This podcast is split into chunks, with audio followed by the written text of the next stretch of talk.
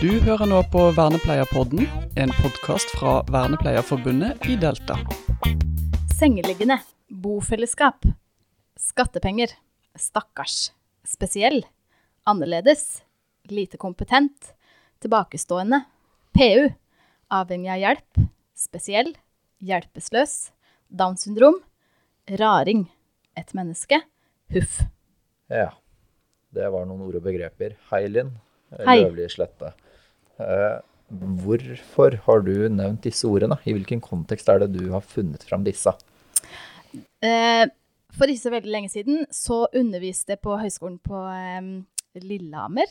Eller høyskolen på, høyskolen på Innlandet. Høyskolen Hva heter det? Høgskolen, Høgskolen i Innlandet, Ja. heter det faktisk. Ja. Om, eh, litt om ord og begreper. Og da ba jeg studentene om å skrive inn det første de tenkte Ola Nordmann, altså han eh, menige mannen i gata, eh, tenkte på når han eller hun hører begrepet psykisk utviklingshemming. Yeah. Og det var ordene dere hørte nå. Det er eh, nesten trist å si at det er spennende, men det er noe som danner grunnlaget for denne episoden. Og velkommen til deg, Steinar Wikholt. Ja, hei. Eh, I dag skal vi snakke litt om ord og begreper. Hvordan er det dette former både systemene, også holdninger, og eh, tjenestene våre hver dag?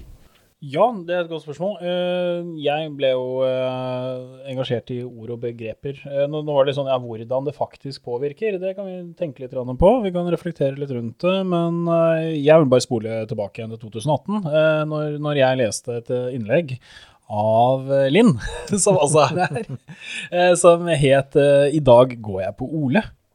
Eh, og det var et innlegg som handla litt om liksom, hvilken ord og begreper bruker vi ute i tjenestene. Eh, og og det, det, var, eh, det var et innlegg som engasjerte. Det engasjerte meg, det engasjerte veldig mange når det ble delt på sosiale medier. Det er stadig et godt delt innlegg. Og og det, er, det er også et begrep som har begynt å bli, brukt på, i denne konteksten. At man, jeg hører flere og flere også av studentene sier ja, nei, nå må du ikke, må du ikke drive med det, nei, i dag går jeg på eh, til greiene. Eh, Så, så har satt noe, du, du har satt noen spor, Linn. Ja, det blir nesten litt flau, men det er jo fint, det er jo fint at eh, tankene en har hatt om eh, feltet lever enda. Men kan vi ikke bare liksom starte med det? Du, du, du skrev det innlegget når du var vernepleierstudent. Mm. Hvorfor det? Fordi jeg hadde gått lenge og tenkt på hva orda vi bruker gjør med måten vi utgjør tjenester på. Mm. Jeg begynte i, eh, nå må jeg spole tilbake, men i 2013 tror jeg, eh, å jobbe i et bofellesskap for utviklingshemmede, et ganske stort bofellesskap, der, der i starten var helt, kunne ingenting. Så jeg tok liksom alt det de ansatte sa til meg for god fisk, og så begynte jeg å tenke litt på spesielt det her med de orda og begrepene som ble brukt i overlapping, og om eh, dem som mottok tjenestene, og så syntes at det lugga litt, det fikk litt vondt i magen. Eh, og det var egentlig grunnen til at jeg skrev eh, det innlegget som du nevnte i stad, Steinar. Mm. Ja, for etter det så har jo det inspirert eh, meg, blant annet, til å bare fortsette. For du har skrevet et par artikler. Ja, eh, det har blitt eh, Nå, nå har jeg sagt selv, nå, nå har jeg skrevet tre artikler rundt det her. Nå skal jeg stoppe, tror jeg. Eh, For eh, det første jeg skrev etter det, var eh, om, om eh, samfunnets eh, svake. En begrepsbruk som ble brukt av en politiker. At når nei, vi omtaler mennesker som svake. eh, Og da med en referanse til mennesker med funksjonsnedsettelser. Så har vi denne begrepet, og det, det, Linn, du skriver også om det her, det med PU-bolig-begrepet og PU-begrepet. Eh, Så skrev jeg en som het vernepleier, ja, så du jobber i sånn PU-bolig, du. Uh, litt, litt om det. Uh, hvordan det påvirker, eller kommer også inn i, i systemene våre. Hvordan vi, vi sier at vi har en seksjon for PU, f.eks., eller PU-seksjonen og, og, og sånt. Så da er PU da en forkortelse for psykisk utviklingshemma. At uh, den boligen du bor i, er kobla opp til hvilken diagnose du har. Mm. på en eller annen måte. Og så den siste som jeg skrev, det, det skal Per få lov til å bestemme selv. Når vi gir andre rettigheter alle, de allerede har. Og den handla om en eh, sånn tanke om at eh, når jeg står i en eller annen posisjon som ansatt, at jeg kan gi noen andre en, en rettighet. Du skal få lov til å bestemme dette. Oliver, i dag skal du få lov til å ta toget nå etterpå. Det gir jeg deg lov til. Jo, tusen takk, Og det gjør jo noe med oss. Det, det, det er ikke noe som er vanlig å si i det hele Nei. tatt eh, i hverdagen. Så hvorfor er det sånn at vi, når vi jobber ute i bofellesskap, tenker at Nei, det skal vi selvfølgelig kunne si og gjøre. Mm. Og bare for å avklare, kommer eh, linkene til eh, de artiklene vi har nevnt, til å bli lagt ut i eh, teksten under episoden. Mm. Men nå går vi videre til å snakke litt om innholdet i artiklene. For det er som du sier, Steinar. Altså, det skal Per få lov til å bestemme selv. Det her er jo noe som er uh, noe motstridende med én. Både uh, førende veiledere, lovverk. Eh, men hvorfor har det blitt slik? Bare for å diskutere det litt. Hvorfor er det sånn at eh, vi kan si at de får lov til å Dette får de lov til å bestemme selv? Ja. Det er et godt spørsmål. Det, det er vel en tanke om at eh, det er, vi står i en posisjon til å kunne bestemme over de, så der har du liksom bare den i utgangspunktet. Det er oss og dem. Det er noe annet. Ja, men skal disse også få lov til, eller ja, Mm. et eller annet sånt. Mm, absolutt. Og det, og det er jo litt sånn ehm, Hvis vi går tilbake til PU-begrepet, da. eh, og og ehm, Som medlem i Vernepleierforbundet i Delta får du medlemsrabatt på forsikringer hos Gjensidige. Du får også gode vilkår på boliglån og banktjenester hos Nordea Direkt. Du finner nyttig informasjon på delta.no. Er du ikke medlem i Delta, kan du melde deg inn på nettsiden vår og spare gode penger på forsikringer og boliglån.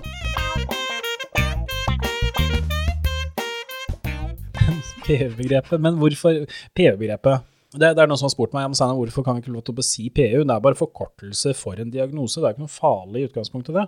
Hva, hva tenker du, Linn? Tenker i utgangspunktet Eller for det første så, så um, Skal prøve å argumentere for begge deler. Men Ja. for det første så, så trenger vi ord og begrep som er lette og enkle og korte å si. Ja, ja. Sånn at uh, vi skal forstå hva vi snakker om.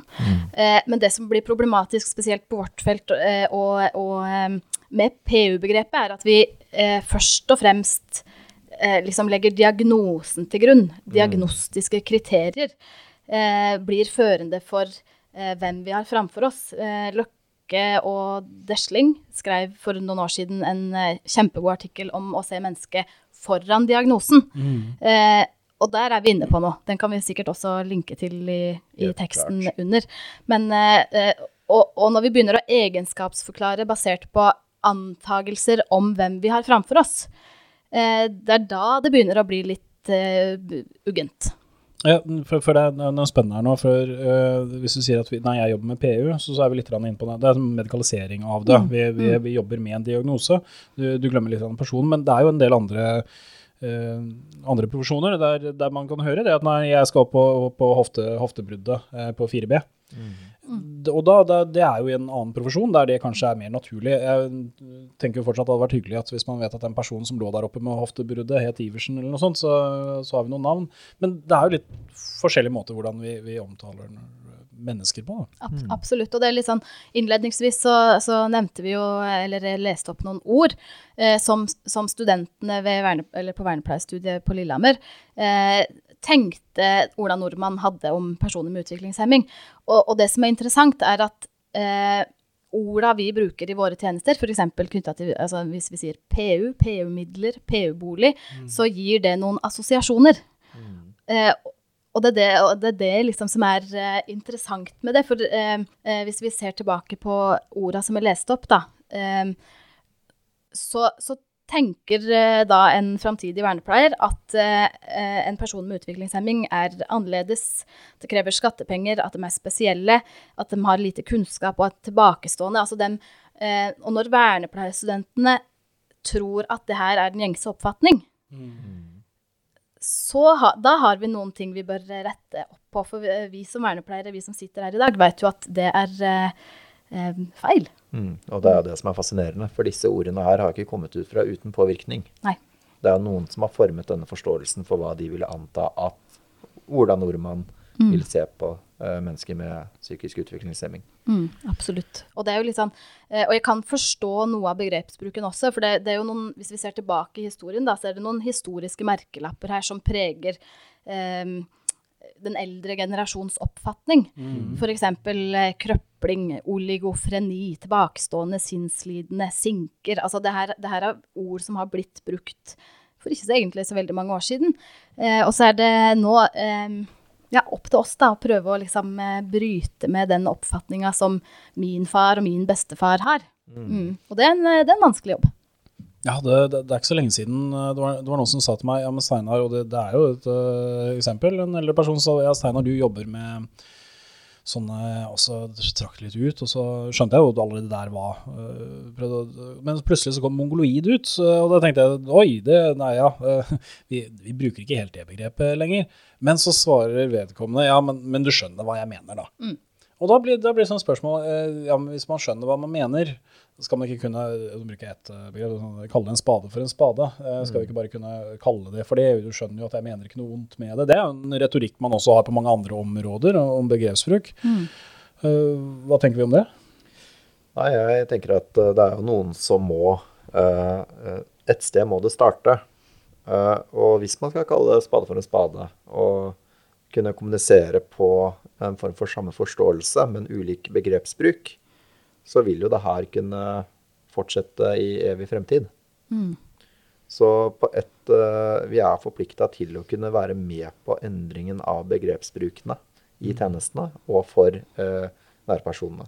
Mm. Og det er noe jeg uh, spesielt er opptatt av. Det er hvordan er det jeg påvirker andre som ikke arbeider innen samme fagfelt som jeg gjør. Mm. Altså det er en stor påvirkning. Mm. Det som jeg syns er mer spennende, det er å, å heller eh, la Når enn du har en gruppe med mennesker, eh, så, så, noen, så, må man betegne gruppa på en eller annen måte. For vi, vi, jobber, vi, har jo en gruppetenking, vi, vi setter noen merkelapper osv. Men det som jeg syns er, er, er, feil, er det at eh, Eller spørsmålet er hvem er det som setter det, skaper, lager den, den merkelappen. Eh, hvis, uh, hvis, gruppa selv i større grad kan si vet du hva, jeg ønsker å bli omtalt som, eller nei, vi som en gruppe ønsker, så da, da er vi inne på noe istedenfor at det er en lege eller en forsker eller noen uh, mm. som velger at nei, vi har bestemt at dere skal bli benevnt ved. Mm. det, jeg tenker at det, det er viktig. Mm. Absolutt, og det, det, er jo en pågående diskusjon også eh, i vårt, vårt, felt. Altså det her med skal autister få lov til å kalle seg sjøl autister? Eller skal, å, eller skal, eh, skal, vi som fagpersoner si at nei, men du er en person med autisme, eller du er en person med utviklingshemming? Mm. Eh, så, så eh, debatten er jo eh, litt sprikende. Men, mm. og, og, jeg vet ikke om, eh, om vi skal henge oss opp i bruken av person foran en diagnose. Altså det, det jeg tenker er mer problematisk, er de her forkortelsene eller den her slengen som bare blir til fordi vi kanskje ikke har noe, noen andre begrep. Ja. Og, og, problemet igjen med det er jo når sånn som f.eks. NRK, VG eh, og andre altså riksdekkende medier plukker, plukker opp begrepene. Eh, I en sak for noen år siden så, så skrev bl.a. NRK eh, en, eh, en snutt om Hanne der, eh, der, overskriften er 'Slik ble rovdyret Hanne et menneske igjen'. Ja, ja, eller, eh, eller, eh, i forbindelse med, med Tolga-saken så, eh, så, lagde VG en framstilling av PU-midlene, hvordan kommunene kunne få PU-midler. Mm. Eh, og så kan vi gå til lov, lovteksten, f.eks. I, i vergemålsloven så står det at du må ha en Altså vilkårene for å få vergemål, så må du pga. en sinnslidelse herunder demens, psykisk utviklingshemming. Oh, ja. så, så, det kom Altså um, både i liksom juridiske, juridiske, skrifter og i, eh, hos Norsk Rikskringkasting så brukes det begrep som eh, tar oss eh, noen skritt tilbake. Og det er synd. Det som jeg synes er, en ting er at vi, for det blir jo sånn spørsmål, ja, men Skal vi bare bytte begrep, skal vi lage et nytt begrep? Men over tid så blir det begrepet brukt i veldig mange negative sammenhenger. Så derfor må vi om ti år finne et nytt begrep. Mm. Det, det, er jo en debatt. Men det, det jeg syns er interessant, er det å reflektere over hva ord og begrepet faktisk gjør med holdningene våre. Mm. Ja, om man sier mennesker med autisme eller autister, så får det være noe som den gruppa selv kan, kan si noe om. Men jeg syns mm. det er interessant å diskutere hva, hva er forskjellen i de ordene. Mm. Det er noen forskjeller i å, å, å, tenke på en autist eller en person med autisme. Mm. Eh, og så er det mennesker med autisme som sier at jeg, jeg anser meg selv som en autist, så mm. det, det, går helt greit. Mm. Men, men, men, bare i det hele tatt å, å, ha en bevissthet rundt at disse ord og begrepene gjør noe med hvordan vi ser på mennesker, eller motsatt. Det kan vise noen holdninger som vi allerede har om noen andre mennesker. Mm. Definitivt. Og det er jo litt det samme med Vi hører jo ofte um, begrepet eller um, ja, kobla opp mot utviklingshemming, da, så har Kari har spesielle behov, eller særlige behov. Men eh, hva er det egentlig som er spesielt da, med å ha litt behov, altså behov for litt tilrettelegging? Eh, det, det, er, det er liksom det legger, altså Alle disse begrepene som vi har vært inne på eh, fram til nå, det legger noen føringer for og gir oss noen assosiasjoner eh, til eh, hvordan vi tenker at vi skal møte eh, Kari med Downs syndrom, f.eks. Altså, vi blir automatisk Forståelsen vår blir kanskje prega av at vi er litt paternalistiske, eller at vi eh, blir litt medlidende. Eh, så, så, det er verdt å tenke over. Mm. Det er en utvikling jeg har sett de siste åra. og det er i positiv retning, og det handler om uh, stillingsutlysninger. Mm. Uh, der ser jeg at uh, for det første at de som mottar tjenester, er i mye høyere grad delaktig i hva de ønsker av personen som skal yte helsehjelp. Mm. tidligere så var det ofte atferdsbolig. det er jo et mm. uh, veldig spesielt begrep, for uh, atferd er jo egentlig alt. Uh, men det er jo negativt lada i den forstand atferd som utfordrer omgivelsene. Mm. så vi ser jo at det er en form for endring i spesielt stillingsutlysninger. så er det fascinerende også med folk som blir beskrevet da med høy grad av atferd som utfordrer. Altså, det er flere aspekter ved den personen enn kun en atferd som utfordrer. Mm. Mm, absolutt. Men, men, den andre siden, når vi prater om ord og begreper, og det merker jeg litt når jeg møter uh, forskjellige kulturer. Det tror jeg kanskje den, den eh, nettopp driver og jobba litt internasjonalt, og, og liksom dro til USA, uh, der man uh, i større grad enn vi gjør i Norge, faktisk prater liksom, nei, om du er Caucasian eller om du er black eller osv. Så, så, så merker jeg at jeg plutselig blir redd for å bruke feil begrep. Og det vil si at jeg unngår uh, tema. Jeg unngår å mm. prate om det, for jeg er redd for å såre noen. Jeg er redd for å tråkke feil. Så det er det som er litt også redd for når jeg også prater med studentene mine. Det er sånn, ja, men Vi skal ikke stoppe å prate om det. Mm. Det skal gå greit. og, og jeg, nå, nå, er jeg litt usikker på begrepet her. liksom. Hva, hva, hva, bruker vi? Det går helt fint å også si feil, uten at man skal uh, slakte noen. Det er ikke sånn at uh, ordpolitiet Linn og Steinar kommer susende Jeg hørte du brukte det begrepet.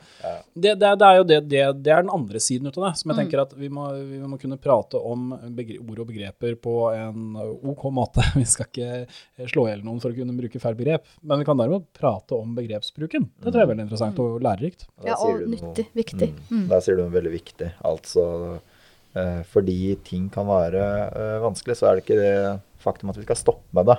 Altfor ofte mm. så er det, som du sier, et betent tema, og så trekker man seg to steg tilbake. Mm. Eh, altså OK, dette her er en reell utfordring. Mm. Da må vi kunne tørre å snakke om det. Mm. Men hvis vi tenker på når det skal Per få lov til å, å bestemme selv, uh, så tenker jeg det, det, er jo morsomt å bruke som et grunnlag for å analysere det. Hvis, hvis vi hører liksom sånn å analysere språkbruk, altså, ja, hvis vi går rundt hele tida og prater om at andre skal få lov til noe som egentlig er en medfødt rettighet, er det et tegn på noe? Er det tegn på at vi i hverdagen tenker at vi er noen mennesker som kan gi andre eh, rettigheter eh, som de egentlig bare er medfødt med, og hvorfor gjør vi det? Og da kan vi starte en tankeprosess rundt det. Eh, jeg tenker jo det, det jeg syns er spennende, er jo å se det her opp mot CRPD. Mm. Uh, og, og, se hva, hva, hva, er det CRPD sier om dette. Hvorfor er det viktig? Hvorfor trenger vi CRPD i norsk lovgivning? Uh, tror, du, Linn, tror du det ville spilt inn på ordbruken også? tror du? Det er vanskelig å si, men, men altså det fine med CRPD det er jo at, altså, um, at, det tar oss inn i et perspektivskifte fra å tenke uh, og tvile på er du i stand til å ta denne avgjørelsen, til at vi forhåpentligvis beveger oss uh, og, og, tenker at uh, altså, hva kan vi gjøre for at du skal ta denne avgjørelsen? Og det vi kan gjøre, er bl.a. det vi gjør akkurat nå, å diskutere og drøfte hvilke ord vi bruker om dem som skal få lov til å bestemme i eget liv. Mm. Um, mm. Det er også mye handler om uh, at folk har en uh, forforståelser, at de skal være der for å hjelpe. Vi, skal, mm. vi, vi, er i en form for omsorgsrolle som ofte da kan ta over mange oppgaver uh, som personen selv kan være en del av. Altså Der begynner vi å snakke om beslutningsstøtte mm. vi, og delaktighet i eget liv. Mm. Og jeg, Beslutningsstøtte Vi hadde jo dette på VC2-konferansen, eh, der vi snakket, Sølvi Selvi Linde snakket om dette her. Og da tok de fram noen veldig spennende tall. Altså Beslutningsstøtte har vi jo på en måte jobbet mye med i det siste. Mm. Men vi ser at fra 2018 til nå at det er mer eh, brukt, da. Jeg, jeg sitter og ble, ble Jeg kobla litt ut nå. Ja. Og det gikk på den her um, Vi sitter jo tre mennesker her nå i et studio og, og prater om noen andre, eller begrepsbruken skal bli brukt om noen andre, men, men de personene er jo ikke til å se deg. Mm. Vi, vi er jo litt typisk der, bare, Ja. bare for å kritisere oss selv. Da. Mm. Uh, og det er det som er spennende når vi, eh, når vi prater om det her, det å inkludere de vi prater om, og i utgangspunktet så er det de selv som skal sette agendaen for dette. Eh, så, så jeg syns det er spennende. En bok, eh, jeg tror jeg refererer til den ene artikkelen vi har pratet om nå, eh, det er, heter vel 'Hverdagslivet i bofellesskap' eller noe Mm. tilsvarende, så, så er det jo den her eh, sitatet fra, fra henne om at jeg, jeg skal bare spørre boligen først. Ja. Det er, altså, det er fantastisk sånn, hva, altså, hva, boligen, hva er boligen? Man bruker boligen som et begrep for den lovgivende makten eh, der man bor. Det, det er helt eh, Ja.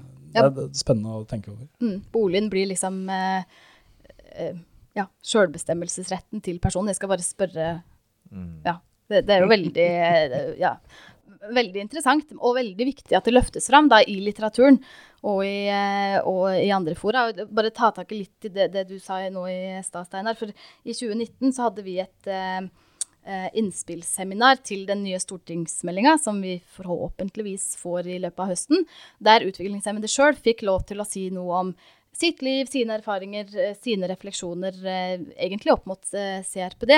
Og da var et sånt gjennomgående funn var bl.a. det her med at andre snakker til meg som om jeg er et barn. Og dette var voksne personer, eh, altså fra ja, gjennomsnittsalderen var kanskje 35-40 år. Og likevel, liksom, den, og, og jeg har snakka med mange eh, ja, har hatt kontakt eh, etter det seminaret, og, og, og det er ingenting som har endra seg. altså De møtes fortsatt som barn. Og vi var litt inne på det før vi, før vi um, begynte å ta opp her også. Eh, og, og det er kanskje Da er vi kanskje òg litt i kjernen av den begrepsbruken som, som eh, vi starta med. Eh, vi, vi ser på eh, gruppa utviklingshemmede basert på noen diagnostiske kriterier. Og så tenker vi at OK, men fordi, eh, fordi Steinar har en eh, lavere IQ, eller en eh, Hva heter det? En intelli- intelligenskvotient. Kvotient. Ja, sant. Dette er vanskelige begreper sjøl for meg. Eh, så, så tenker vi automatisk at OK, ja, men da, da er han sikkert et barn, da. Og så, og så glemmer vi at sjøl om ja, Steinar er eh, 45, Noe sånt. noe sånt, eh, at det også er en livserfaring der. Mm. Um, og det, det, det, er liksom, det må vi huske på da, i møte med personene vi skal bistå og hjelpe. Nå er vi, nå, nå er vi plutselig, for nå, Det er det som er morsomt å prate om der. Det ene fører litt til det andre. For nå er vi inne på diagnostiske kriterier. Og når det da i diagnosemanualen står nevnt noen alderstrinn, så syns jeg det begynner å bli vanskelig igjen. da. For det er, det er jo liksom igjen at vi betegner denne gruppen at er du innafor dette spennet, er du lett utviklingshemma, så har du da en, og så står det noen, noen tall der. Så gir jo det assosiasjoner til barn. Yes. Istedenfor, sånn som det er kanskje, det er, det er jo ment som at ja, men da har vi noe referansemateriale til kognitiv fungering av en person som er tolv år, f.eks. Mm. Men, men det gjør noe med oss. Veldig, veldig. Det, og det er litt sånn, hvis vi prøver også å dra litt paralleller til, eh, i og med at dette er en vernepleierpod, så regner vi med at det er mange vernepleiere som eh, hører på, og andre som jobber ute i tjenestene. Og den, eh, det vi snakker om nå, kan jo også manifestere seg i journal. Eh, og det er jo også noe å ta med seg eh, her. Løkke, altså eh, Jon Arne Løkke og Lars Rune Halvorsen har eh, i boka 'Miljøterapi' lista opp noen eh, ord og begrep, setninger, som, som eh, kan være fine å, liksom, å titte på. F.eks.: Han hadde mye atferd i dag. Når det står i en journal, og når det liksom skal eh, være bakgrunn for å evaluere om et tiltak funker eller ikke, da begynner vi Da beveger vi oss også på litt tynn is. Veldig. Mm. Så det er mange, mange fasetter av språkbruken. Ja, Uh, det har vært en veldig spennende diskusjon. Uh, og vi kunne gjerne fortsatt et par timer til. Uh, men nå må vi snart lande ut denne episoden. Eh, tusen takk til Linn Løvli Slette og deg, Steinar Wickholt, for spennende refleksjoner. Jeg håper dere som hører på, kommer til å ta med dere videre. Takk for oss. Takk for oss. Du har nå hørt på Vernepleierpodden, en podkast fra Vernepleierforbundet i Delta.